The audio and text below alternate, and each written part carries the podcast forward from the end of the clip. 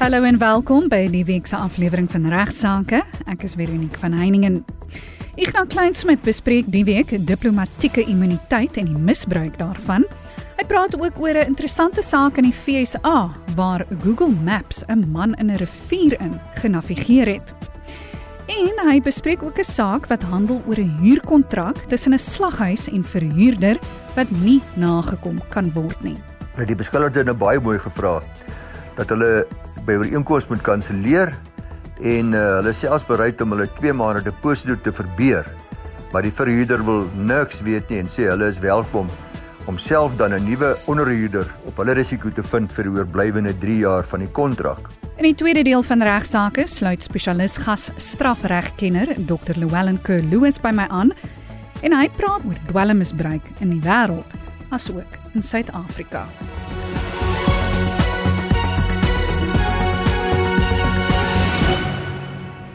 Die week begin ons die program met Igna wat praat oor diplomatieke immuniteit en bespreek 'n baie interessante saak waarby die Suid-Afrikaanse Inkomste Diens betrokke is. Goeiemôre luisteraars en goeiemôre Veronique, lekker vir my om soos altyd weer met u te gesels oor regsaake en hopelik sake wat vir u ook interessant gaan wees. Ek weet nie vir julle nie, maar vir my plaas dit al vir baie jare lank die hele kwessie van diplomatieke immuniteit. Veral as jy sien En dis maar my ervaring dat sommige, regtig net sommige diplomate in Suid-Afrika nogal dikwels vir my arrogant voorkom. Veral as hulle agter 'n motor se stuurwiel sit, dan lyk dit asof hulle dink dat hulle bo die wet verhewe is. In 2019 het die Suid-Afrikaanse Inkomste Diens ontdek en ook die Departement van Internasionale Betrekkinge en Samewerking dat diplomate van ander Afrika lande sakke vol geld maak uit die herverkoop van drank wat hulle danksy natuurlik hulle konsulate se drankkwotas tariefvry by handelaars kon koop. Nou die raming in 2021 wat SAID gedoen het was dat daar tot 100 miljoen rand per maand se aksies en belasting op toegevoegde waarde, dis nou BTW, verlore gaan as gevolg van hierdie diplomate wat die drankkwotas tariefvry gebruik en dan daardie geld weer daardie drank weer verkoop. Die departement het toe in Junie 2021 gesê een diplomaat het in 3 maande 36 miljoen rand spandeer om drank aan te koop by die tariefvrye drankwinkels en dit dan teen 'n wins te verkoop. Hy was ook dan lid van 'n syndikaat blykbaar geweest. Nou die diplomate veral van twee van ons buurlande, Lesotho en Malawi is in daardie stadium versoek om die land te verlaat en hulle diplomatieke immuniteit is toe geroep. Diplomatieke amptenare van Rwanda en Ghana en Burundi en Guinea is ook geïdentifiseer wat hulle ook aan hierdie praktyk skuldig gemaak het. En om hierdie probleem te takel het die destydse minister van finansies, Tito Mboweni, al in April 2021 sekere wysigings aan die BTW wetgewing en die douanewette aangebring. Dit was nadat hy al in 2019 in sy begrotingsrede aangekondig het dat die belastinghantering van tariefvrye winkels hersien moet word en dat daar probleme is. Dit is teen hierdie wetswysigings wat 'n klompie drankhandelaars toe beswaar gemaak het onder andere New Africa Ambassador Duty Free, Flamingo Duty Free en Assortum Duty Free het hof toe gegaan en hulle maak beswaar teen hierdie wetswysigings en die konstitusionele hof het toe nou onlangs beslis en die minister en die Suid-Afrikaanse Inkomste Diens sê die hof het binne hulle regte opgetree. Nou wat die hof toe gesê het is dat dit kan nie langer so aangaan nie en die skade wat ons land ly is te veel en die wetswysigings is heeltemal in orde En op hierdie wyse het ons konstitusionele hof, soos Frans Williams en joernalis het mooi in sy berig hieroor uitdruk, 'n druppende kraan van belastingverliese van minstens 100 miljoen rand per maand is deur hierdie uitspraak van die konstitusionele hof toegedraai. Goed, Ignas praat nou oor 'n interessante saak wat te doen het met Google Maps. Kom ons hoor wat sê Ignas. Baie van julle wat luister sal weet van hierdie toepassings wat 'n mens kry wat dan vir jou padaanwysings gee en roeteaanwysings gee en wat ongelooflik handig is om te gebruik. Voor ons toepassings gehad het was dis nou toepassings soos Google Maps onder andere en Waze was dit maar 'n gesukkel vir 'n motorbestuurder om uh, nie te verdwaal nie. Veral as mense in die buiteland gereis het. Meer as een oorseese vakansie het vir my skeef geloop omdat ek en my navigator en kaartleser is nou my arme vrou Mala gereeld haks was oor verkeerde aanwysings. Nou maar ja, deesdae is dit gelukkig nou baie maklik om enige plek in die wêreld te ry. Maar ek het 'n baie interessante hofsaak raakgeloop wat in die FSA plaasgevind het en wat hopelik vir u ook interessant sal wees en dit handel oor Google Maps nou waar 'n gesin 'n pa met die naam van Philip Paxson 'n verkoopstudiewoordiger vir mediese toerusting en hy twee kinders het op 30 September verlede jaar is in 2022 verdrink toe sy jeep in die Amerikaanse deelstaat Noord-Carolina in 'n rivier beland het toe dit van die brug afgestort het. Nou Google Maps het aangedui dat hy kan maar oor die brug ry. Maar nou hy het nou die toepassing gevolg en gesien hy kan maar oor die brug ry, maar daardie brug was reeds 9 jaar gelede nie meer rybaar nie. Dit het ineengestort en is nooit reggemaak nie. In inwoners was die getuienis het Google verskeie kere gekontak om hierdie aanlyn kaart vir daardie gebied aan te pas en dit is blykbaar toe nie gedoen nie en hierdie Amerikaanse gesin dagvaar vir Google Maps nadat die man dood is toe hy van hierdie stukkende brug afgery het wat nie op die navigasie toepassing se kaart aangedui was nie. Die gesin voer natuurlik aan dat Google Maps ingelig was oor die brug wat reeds jare gelede ingetuimel het, maar dat hy nie sy navigasiestelsel bygewerk het om dit aan te dui nie en dat daar daarom siviele eise van miljoene dollars ingestel is teen Google Maps. Nou ek weet nog nie wat die uitslag van hierdie uh, saak is nie. Ek sal my bes doen om dit dop te hou om dan aan u te berig wat uiteindelik gebeur het. Ek dink as dieselfde sou gebeur in Suid-Afrika, in enige ander land is die kanse uitstekend dat daar nalatigheid bevind sal word aan die kant van hierdie diensverskaffer as mens dan in 'n ongeluk beland omdat daar 'n pad aangedui is wat duidelik gevaarlik is en nie meer begaanbaar is nie. Ignas se laaste bydrae vandag handel oor 'n huurkontrak wat vir 5 jaar tussen 'n slaghuis en verhuurder gesluit is, maar dinge lyk toe nou nie so rooskleurig nie. Ja luisteraars, my laaste bydrae is 'n antwoord op 'n skrywe van Bankrot van Welkom. Sy skryf dat sy en haar man 'n slaghuis geopen het in September 2021 Hulle is natuurlik vandag baie spyt sê sy dat die verhuurder hulle oortuig het om 'n 5 jaar kontrak te teken. Dit was omdat die eskalasie dan net 6% per jaar sou wees in plaas van die normale 8 of 10%. Maar nou na 2 jaar besef hulle dat die besigheid dit beslis nie gaan maak nie. Afgesien van die huurgeld sê het hulle ook geweldig baie geld spandeer aan om hierdie slaghuis mooi te maak en verbeteringe aan te bring en toerusting. Hulle het die beskuldigde nou baie mooi gevra dat hulle by ooreenkoms moet kanselleer en uh, hulle selfs bereid om hulle 2 maande deposito te verbeur. Maar die verhuurder wil niks weet nie en sê hulle is welkom om self dan 'n nuwe onderhuurder op hulle risiko te vind vir die oorblywende 3 jaar van die kontrak. Maar ons luisteraar sê sy en haar man raak al hoe meer agterstallig en die verhuurder sê ook hy gaan hulle opvoeter en hy gaan op alles in die slaghuis beslag lê en ook op hulle woonstel wat in hulle naam geregistreer is. Sy sê haar senuwees is gedaan, haar senuwees is rou en die verhuuringsagente sê ook hulle kan ongelukkig nie help nie. Nou ek het vir Dylan Snyman, 'n bekwame jong kandidaat prokureur by Van Velden Duffy gevra om bietjie vir my te gaan navorsing doen. En natuurlik sê hy ook dat die beëindiging van 'n huurooreenkoms 'n baie belangrike besluit wat verskeie wetlike en praktiese oorwegings vir beide die verhuurders en die huurders behels. Nou om die nuances rondom huurbeëindiging te verstaan, is dit natuurlik nodig om al die wetgewing behoorlik te ken en veral ook te weet wat die regsposisie is rondom die beëindiging van 'n huurooreenkoms. Nou gevolg die regulasies van die verbruikerswet op huurooreenkomste is dit baie duidelik dat 'n huurooreenkoms vir 2 jaar geldig is. Dit sluit egter nie die moontlikheid uit van 'n langer huurkontrak nie, want in regulasie 5 van die verbruikerswet dui dit aan dat die maksimumperiode vir 'n vaste termyn verbruikersooreenkoms net 24 maande is tensy die partye ooreenkom om die termyn te verleng en dis belangrik en die verhuurder 'n demonstreerbare bewys van finansiële voordeel aan die verbruiker kan toon. So in ander woorde beteken dit egter dat as die huurder en die verhuurder ooreenkom dat hulle die huurkontrak sal verleng langer as die regulasies se 24 maande, dan moet die verhuurder bewys dat dit ten voordeel finansiëel is vir die verhuurder, vir die huurder jammers.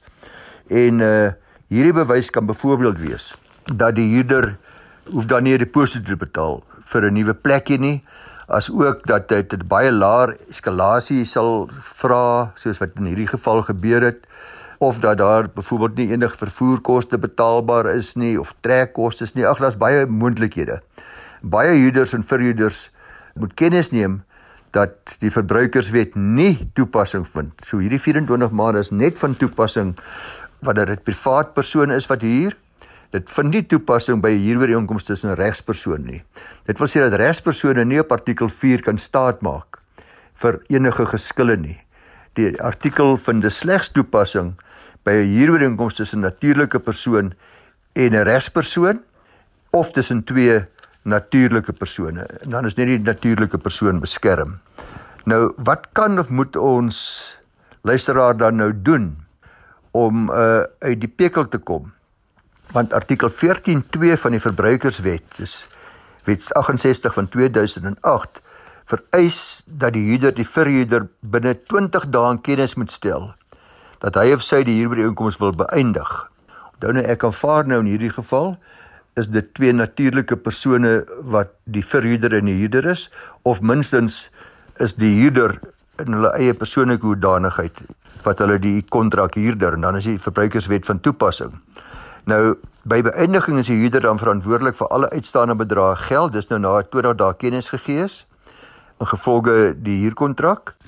Dit beteken die huurder moet dus die 2 maande wat hy reeds agterstallig is ook dan betaal en natuurlik ook vir die maand betaal waarin die 20 dae kennisgewingstydperk verloop. Artikel 14 gaan verder en sê ook dat Die verhuurder is geregtig ook om soms 'n straffooi te vra by vroeë beëindiging van die kontrak. Dis nou wanneer dit voortydig gekanselleer word. Hierdie artikel wys dan ook na regulasie 5 wat die kriteria gee wat in ag geneem moet word om te bepaal wat hierdie straffooi moet wees. Dit sal faktore wees wat toepaslik is by 'n huurooreenkoms, die uitstaande bedrag wat verskillig is, die duur van die ooreenkoms, dan was tot 3 jaar oor, verliese gelei deur die huurder as gevolg van die ooreenkoms, die lengte van die kennisgewing, die potensiaal van die verhuurder om 'n ander huurder te kry sodat hy nie baie inkomste verloor nie en natuurlik maar wat die algemene praktyk van huurooreenkomste is. En die regulasie maak voorsiening daarvoor dat hierdie kansellasie voor tot so 'n mate nie die huurder se reg om die kontrak te kanselleer tot niet moet maak nie. Dis in eenvoudige terme gestel met so voor redelik en nie buitensporig wees nie. Gewoonlik is hierdie bedrag maar redelik laag.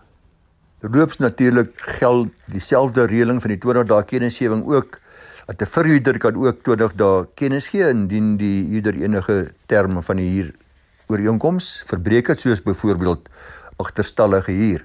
Nou wat advies betref aan bankrot van welkom is die baie goeie nuus dat Hulle is 'n natuurlike persone wat huur en dan is die regulasies baie duidelik dat die huurkontrak nie langer mag wees as 24 maande nie en dat hulle geregtig is om na 2 jaar die perseel te verlaat. Ek stel voor dat hulle dringend 'n prokureur gaan sien sodat daar met die verhuurder onderhandel kan word oor 'n redelike wyse van beëindiging van die huurooreenkoms sodat hulle op 'n rustige manier hulle toerusting en van die perseel kan ontruim uh om hulle skade sodoende te beperk. Die goeie nuus is dat hulle ook dan natuurlik geregtig sal wees om hulle deposito van 2 maande terug te eis minus enige skade wat daar dalk aan die perseel mag wees nadat hulle die perseel ontruim het. My kan hoop ek dat die res van die dag vir u baie aangenaam sal wees en dat u weer sal inskakel om regsaake te gesels saam met my volgende maandag om 12:30. Groete. Dankie Igna. En in die tweede deel van regsaake sluit strafregkenner Dr. Llewellyn Kerloos by my aan en hy praat vandag verder oor dwelmmisbruik wêreldwyd asook in Suid-Afrika. Ek het reeds gesê dat die FSA steeds die grootste vraag na kokaine het. Daar was op 'n stadium 'n verskywing na Europa as afsetplek vir dwelms. Spanje met sy eens ontoereikende dwelmwette het vinnig die poort na nuwe weivelde vir die dwelmbedryf geword. Dwelmdeskundiges meen dat Europa reeds 40% van sy kokaine deur Spanje ontvang. In die jare 1988 tot 90 het die Spaanse polisie reuse besendings kokain wat meestal van Ecuador en Kolumbia na Europese lande onderweg was gekonfiskeer. In een geval byna 2 metrieke ton kokaine binne net 'n tydperk van 3 maande. In die stad Uren is 1000 kg in een operasie in 1988 gebuit. Die grootste enkele dwelmkonfiskasie in die geskiedenis van die Wes-Europa tot op daardie stadium. Ook die handel in hashish en heroïne neem onbrisbaarend toe. Die beskikbaarheid van dwelms wat hulle weg deur Spanje na lande soos Frankryk, Brittanje en Nederland baan, het tot gevolg gehad dat die aantal Spaanse dwelmverslaafdes tot meer as 60000 aangegroei het.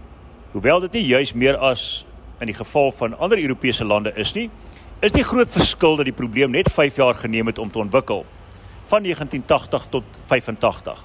Op daardie stadium het Spanje sy eerste groot toeriste ontploffing beleef, met daarmee gepaard gaande natuurlik die vraag na dwelmsmiddels.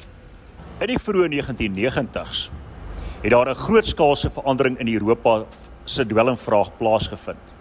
Te oordeel aan die hoeveelheid dwelms wat gekonfiskeer was, het kokaine in daardie stadium met 350% in 'n enkele jaar toegeneem, terwyl die vraag na heroïne besig was om af te neem, vermoedelik weens die vrees vir vigs. Die swaai na kokaine is andersins ook teweeggebring deur 'n opsetlike wat bekend gestaan het as 'n bemarkingsveldtog deur die Suid-Amerikaanse produseerders en handelaars. Hulle het natuurlik gevrees dat hulle mark in die FSA sy versadigingspunt bereik het.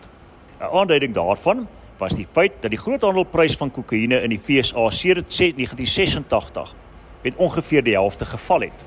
Dit is veral ook te danke aan die goedkoop derivate van kokain, byvoorbeeld crack, wat van die middelklas tot die agterbuurtes skielik verkoop word. Die jongste statistiek oor die FSA deur die Nasionale Instituut van Alkoholmisbruik en Alkoholisme en die Nasionale Instituut vir Dwelmmisbruik skilder 'n donker prentjie van dwelmmisbruik in die weste vandag. Dwelmhandel in die FSA het reeds ver die 150 miljard dollar per jaar merk verbygesteek. Meer as 40 miljoen Amerikaners het al met marijuana geëksperimenteer. Marijuana of dagga word op gereelde basis deur 26 miljoen mense in Amerika gebruik. 1/3 van hierdie groep is ouer as 26 jaar oud. Meer as 20 miljoen Amerikaners het al kokaine geprobeer. Meer as 2 miljoen mense in die VSA gebruik amfetamiene. Hierbenewens is tussen 500 000 en 'n miljoen Amerikaners na raming verslaaf aan dowingsmiddels soos heroïne, opium en morfine. En sowat 1.5 miljoen Amerikaners meestal jonger as 21 jaar oud, snuif bedwelmde dampe. Ek het ook verneem dat sowat 1.6 miljoen mense in die FSA gebruik gereeld dwelmmiddels wat hulle laat halusineer. En een uit elke 16 hoërskoolleerders in die FSA gebruik daagliks alkohol. Na raming eksperimenteer 2/3 van alle Amerikaanse tieners met onwettige dwelmmiddels in die loop van hulle hoërskooljare. 'n Eislike probleem wat in die laaste tyd veral in die binnestede van Amerika se grootste stede ontwikkel het, is tiener dwelmnetwerke wat die prosesering, verpakking, versnyding en verspreiding van dwelms hoofsaaklik krak min of meer behartig. Baie van hierdie jong dwelmhandelaars is self nie dwelmverslaafdes nie, maar begeer die rykdom wat uit die handel gemaak kan word. Dikwels die enigste moontlikheid om hulle uit hulle agterlike omstandighede te kan laat ontsnap ouerlike invloed verdwyn na mate die kind se eie broodwinner word en allerlei sosiale probleme ontwikkel as gevolg daarvan. Afgesien daarvan dat kinders gebruik word om ernstige strawwe vir dwelmoortredings vry te spring, is hulle ook die ideale verteenwoordigers onder hulle kliënte, naamlik ander kinders. In plaas van die kom ons noem dit maar 100 dollar wat 'n kind 5 jaar gelede vir kokain sou betaal, kan hy nou vir 10 dollar 'n krek in die hande kry wat hom oombliklik prikkel en heeltemal verslaaf maak. Kinders so jonk as 6 jaar word vandag in dwelm rehabilitasiesentrums behandel. Kokaine, veral krek, word ook deur al groter getalle vroue gebruik met die gevolg dat hulle babas gebore word met afwykings en simptome van verslawing. Onder meer kleiner koppe, 'n laer IQ, as normale ander babas, spasmas en afwykings van talle organe. Aangesien hierdie babas dikwels ontroosbaar huil en geen reaksie op aandag toon nie, behoort die moeders ouerskapsprogramme deur te gaan om hulle babas te leer hanteer. Maar meestal ontbreek die finansiële vermoë en selfmotivering om dit te bewerkstellig. Dit is belangrik om net gou 'n woord te sê oor anaboliese steroïde. Om fisiek al beter te kan presteer, veral in atletiek, het baie sportmense en vroue natuurlik hulle na die misbruik van 'n groep dwelms bekend as anaboliese steroïdes begin wend. Hierdie dwelmmiddels is semisintetiese afstammelinge van manlike hormone en wanneer hulle onoordeelkundig gebruik word, kan hulle die gesondheid ernstig en permanent beïnvloed. Ten spyte daarvan dat alle sportliggame die gebruik van anaboliese steroïde en ander verdowingsmiddels wat prestasie verhoog verbied, is menige atleet se loopbaan kort geknip deur skorsing vir die gebruik daarvan. Daar is letterlik te veel voorbeelde om te noem. Een van die grootste skokke in die verband was in 1988 met die skorsing van die Kanadese naloper Ben Johnson weens die gebruik van stanozolol kort nadat hy 'n ongelooflike nuwe wêreldrekord van 9,79 sekondes oor die 100 meter by die Olimpiese spele in Seoul opgestel het. Eddie en hegtenisneming en skuldig bevinding van die voormalige Europese rekordhouer David Jenkins op aanklagte van smokkelary met steroïdes. Tydens hierdie selfde Olimpiese spele waarna ek verwys het, naas Ben Johnson, is minstens 7 ander atlete gediskwalifiseer weens die gebruik van anaboliese steroïde, onder wie 3 medaljewenners in die gewigoptel afdeling. Ek wil vandag afsluit met wat bekend staan as ontwerpersdwelms. Terwyl die vraag na groter en beter sogenaamde prikkels toeneem, kom nuwe sintetiese psigoaktiewe dwelmmiddels onwettig op die mark. Hierdie dwelmmiddels, bekend as ontwerpersdwelms, word met behulp van die hoogste chemiese tegnologie beskikbaar in gesofistikeerde onwettige laboratoriums vervaardig. Daar word gevrees dat die soort dwelms die wêreldprobleem grootliks gaan vererger, aangesien daar potensieel geen perke is aan hulle vervaardiging nie. Een so 'n middel, bekend as Speed, is na alle aanduidings reeds besig om met die krekmark mee te ding en kan dalk indien nie reeds nie die dwelmmonster van die toekoms word. Die dwelm, ook metafetamien genoem, is 'n kragtige stimulant wat oorspronklik misbruik is in die eetpille. Op die dwelmmark word dit in poeiervorm verkoop. Die poeier kan gesnuif, ingespuit of opgelos word en gedrink word. In die kristalvorm kan dit ook net so gerook word. Terwyl kokaine buite Amerika en buite Suid-Afrika gekweek en ingevoer moet word, kan groot hoeveelhede speed in onwettige laboratoriums self vervaardig word. Die vervaardigingsproses is eenvoudig en die dwelm is goedkoper as krek, terwyl die effek daarvan ook langer bly. Die vervaardigingsproses is egter gevaarlik en afvalstowwe is giftig en ruik sleg. Die grootste deurbraak in die veldtog teen die nuwe ewel, na die beste van my wete, was die opspoor van 'n geheime fabriek vir die vervaardiging van speed In 1988 in Brittanje. Amfetamien sulfaat ter waarde van 1 miljoen rand is by die geleentheid gevind. Dit is natuurlik genoeg om speed met 'n straatwaarde van sowat 8 miljoen rand te vervaardig in daardie jare. Onthou ons praat nou van 30 jaar gelede. U kan net dink wat die ekwivalente straatwaarde in vandag se monetêre terme sou beteken. Baie dankie aan Ignas van van Velden Duffy, prokureurs in Rustenburg en aan strafregkenner Dr. Llewellyn Kerloos vir hulle bydraes tot vandag se program. Vir enige navrae stuur gerus 'n e-pos na my toe by vero@rsg.co.za. Van my Veronique van Heiningen groete tot volgende week.